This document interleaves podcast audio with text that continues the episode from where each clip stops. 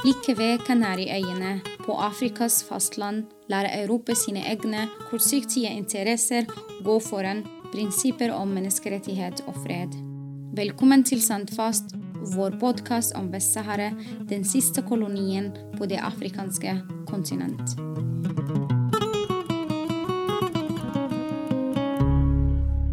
Saharawiene, folket fra Vest-Sahara, er et nomadisk folk som i alle tider har vandret med husdyrene fra sted til sted gjennom ørkenen. I hundrevis av år har saharawiene sammen med kameler og geiter flyttet seg på jakt etter beitemerker og vannskiller. Men det flere tiår lenge oppholdet i flyktningleirene i nabolandet Algerie på flukt fra marokkansk invasjon av hjemmelandet har snudd livet og kulturen på hodet. Nå er befolkningen blitt avhengig av humanitær bistand siden det ikke er mulig å leve på den tradisjonelle måten.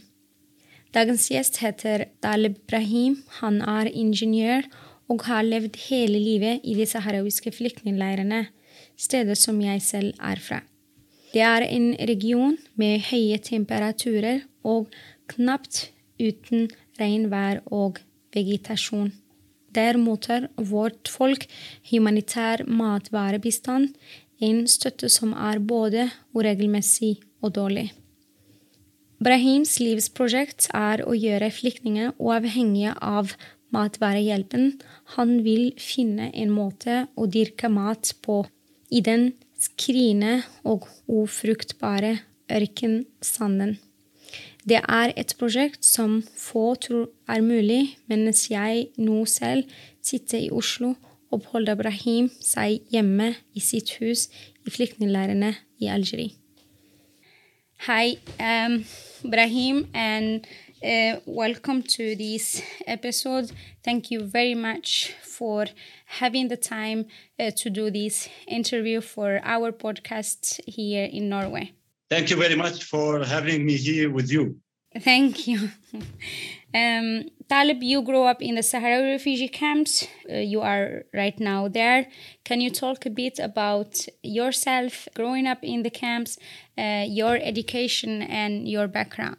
Uh, my name is Taleb Brahim. I'm an agricultural engineer. I have lived with my family in the Sahara refugee camps in Algeria since I was five years old.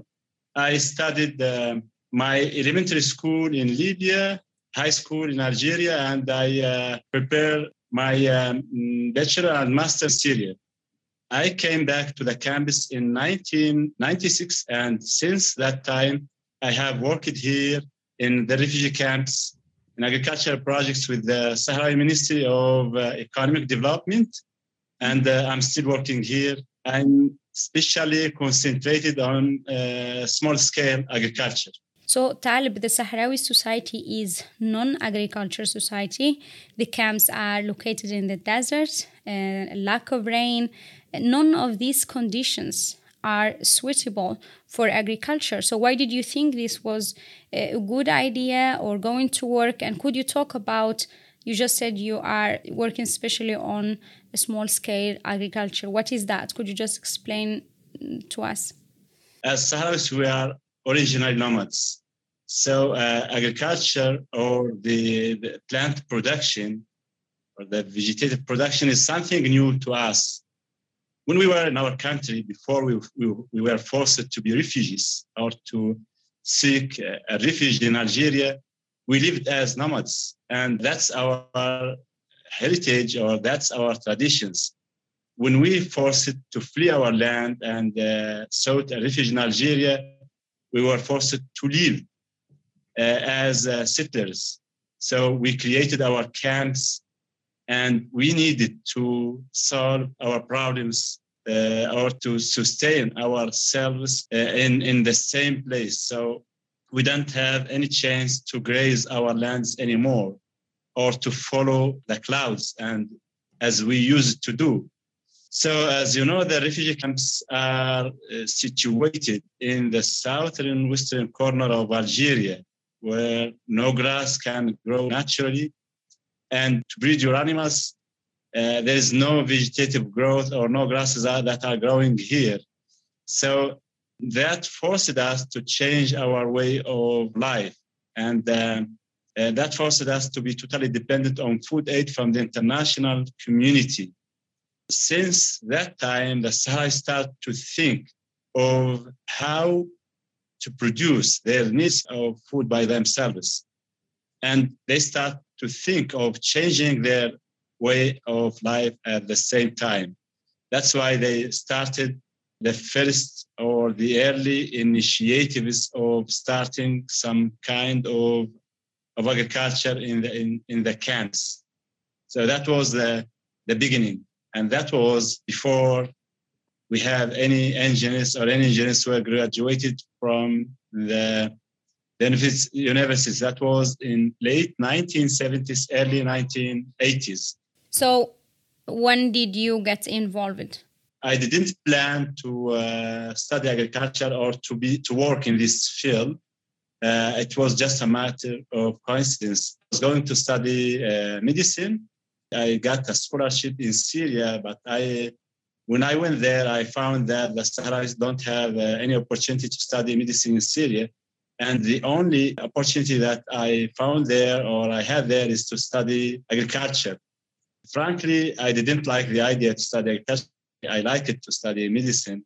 But when I started to study uh, agriculture, I fell in love with uh, that. And I started to think in how I can help my people in covering their needs and how can I modify what I studied there with the local conditions in the camps. So how did you start it when you come back to the camp? Okay, when I came back to the camps, I worked in those uh, community gardens, those big gardens that we have here in the camps. But I kept thinking on uh, how to uh, to start my dream. So uh, in late 1990, early 2000, I met a scientist from the United States, and we uh, talked about the idea. And I started my first uh, home garden in late in 2000 it was in my house. It was a, a primitive one uh, because it was uh, the first one. We started our first home gardens with families in 2002. So I was reading, and it says one of the things that you are doing that you, you are using hydroponics to grow fruits and vegetables in the camps but also especially uh, fodder for the animals. I mean, what is hydroponics and I mean, how does this work if you want to explain? Before uh, talking about the hydroponics, mm-hmm. uh, the idea was to produce the needs of our most vulnerable members of our community. We, we thought that by the, the, the traditional agriculture, we can produce fodder enough for feeding a herd of uh, camels. And those camels will produce enough milk by which we can cover the needs of the most vulnerable members of, of the community. So we invested a lot of effort and uh, with the help of all the engines that we have here, we were able to produce only fodder that's enough for 35 female camels to cover their uh, to feed them for five months. And for that, we need vast areas of our gardens. By the end, we find that this is nothing. So we, we don't have the possibility to produce enough milk to cover the needs of those people. So from that time, I start to think in a system. For that, we need five months. Because I found that traditional agriculture is not the solution. So I should find another system by which I can do this so a friend of mine from the University of Arizona in the United States sent me a YouTube video about uh, high-tech hydroponics for the production of green fodder. Hydroponics is a system in which it's a soilless agriculture. So we don't need to use soil. We grow the plants only in water and uh, fertilizers. So we use 90% less water, no soil, and no fertilizer and we get the produce only in a few days. So it's only seven days, no more than that. So as you can say that we save all those, the time, the money, the space, only four square meters for the unit. So it's a small unit. And this unit produces between 20 and 80 kilograms from green fodder a day. This way, we can produce enough fodder for feeding the animals of one family or a group of families. Uh, and at the same time, we don't need to pay the workers because the workers here, it's a family work, it's a family labor. And at the same time, we can recycle the water because it's hydroponics. So we can reuse the water. So we need a small quantity of water for them. And the space, it's only for square meters. So we save even the space. It doesn't need a lot of work and it doesn't need to have that kind of uh, agriculture background or agriculture uh, education. But even with time, we developed our own units because uh, those high-tech units that we brought in at the, the beginning of the project that just inspired us to develop a local low-tech units that are produced or manufactured by Sahrawi workers or Sahrawi black, blacksmiths. So with time, we trained thousands of people. The number of families is 250 families in, in our uh, six camps.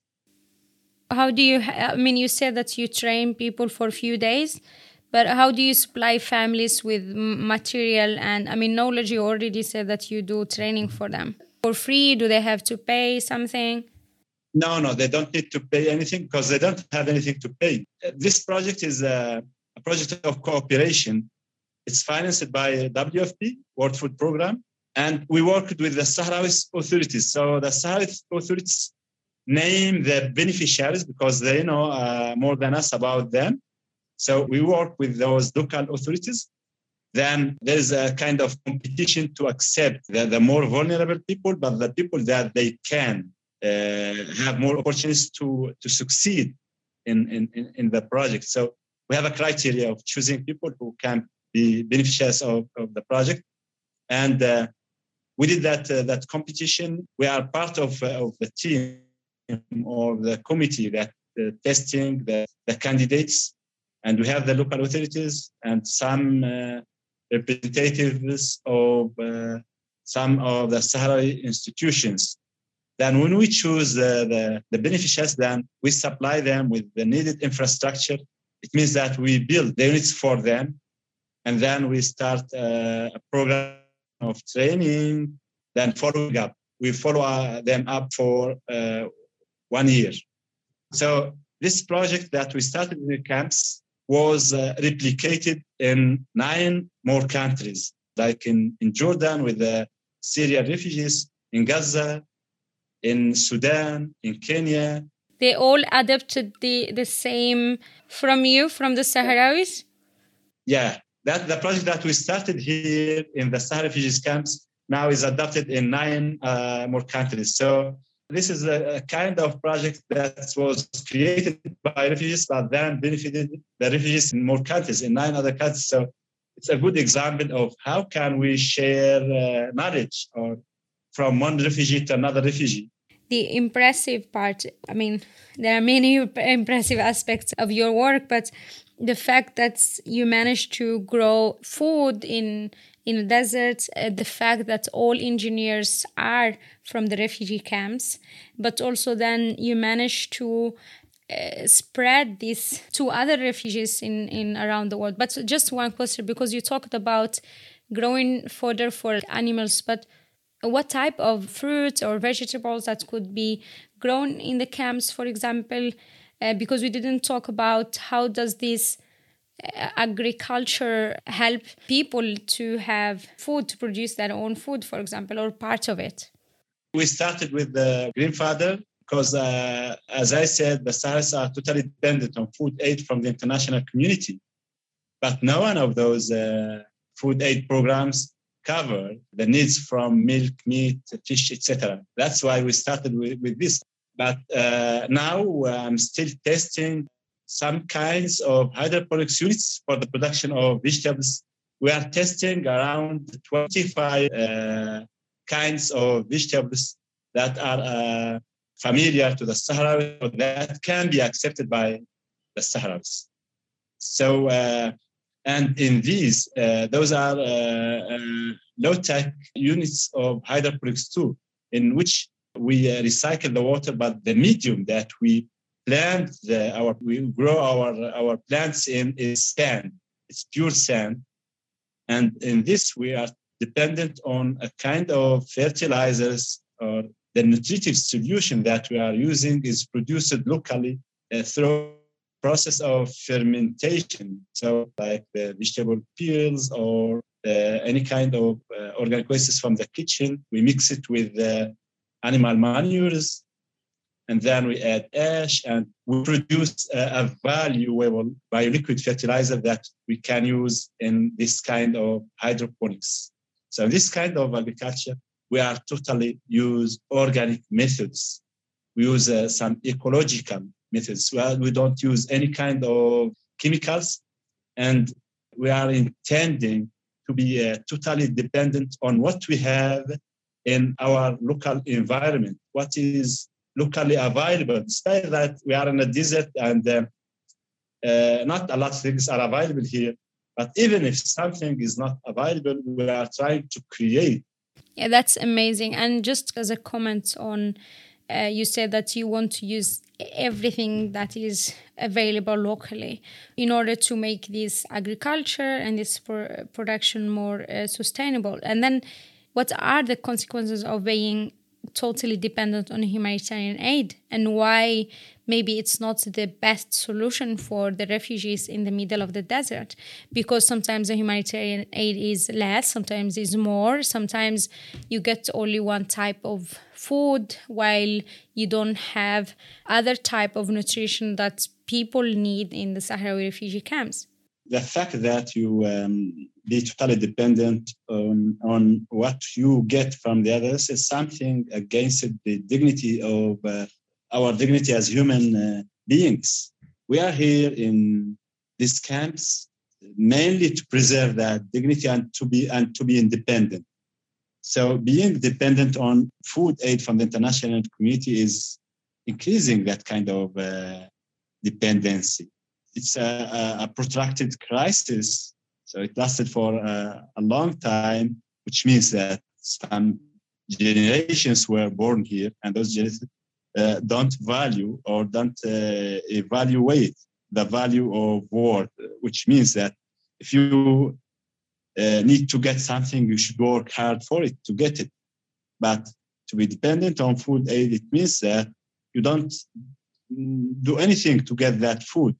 And even if you work hard or don't work at all, will you, get, you will get the same share from the international community. So that's that's not healthy conditions to grow or to raise your children in. By having this kind of projects, it means that we make a difference and we add something to the economy of the camps, and at the same time, we uh, we raise our, our children in healthy conditions.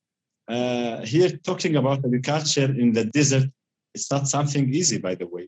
It's a lot of work, lot of training. It's uh, working with people means that there are many challenges, and the first challenge because you are trying to change their way of life, to change their mentality, and not only because we are not, but because we are, we are refugees for a long time. Yeah, and I was going to ask you that question. I mean, if someone some engineers are here in norway or other places listening to this podcast someone is going to university to be an engineer i mean what are the challenges that you are facing while you are trying to implement or make this opportunity uh, available to more families in the camps? There are different kind of, of challenges. So there are those who are linked to the climate and to the soil because uh, the climate is uh, is harsh because in summer temperatures exceed 50 degrees Celsius. Sandstorms are coming here, drought. Uh, there's a shortage of water. Sometimes people don't have enough drinking water. So some people will tell you, forget about agriculture when you don't have enough water. It's impossible to think of, of producing your own needs. Then uh, the soil is infertile because uh, the, the the content of organic matter is uh, around 0%. One more thing is that uh, we are originally nomads. We don't have that kind of cultural traditions to convince people that they can practice agriculture. One of the challenges is to convince the people that they can do it by themselves. and to convince them to trust us that we, yes, we are from this community, we are nomads, but we have some experience or we studied agriculture and we can help you to do it.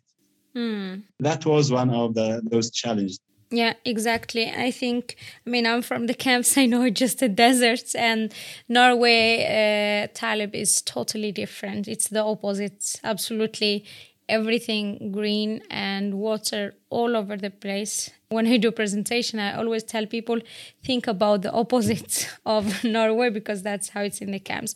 Thank you very very much for uh, being a guest here, for sharing your uh, valuable knowledge, and best of luck for you and your colleagues in the camps. You're welcome. Thank you for your time.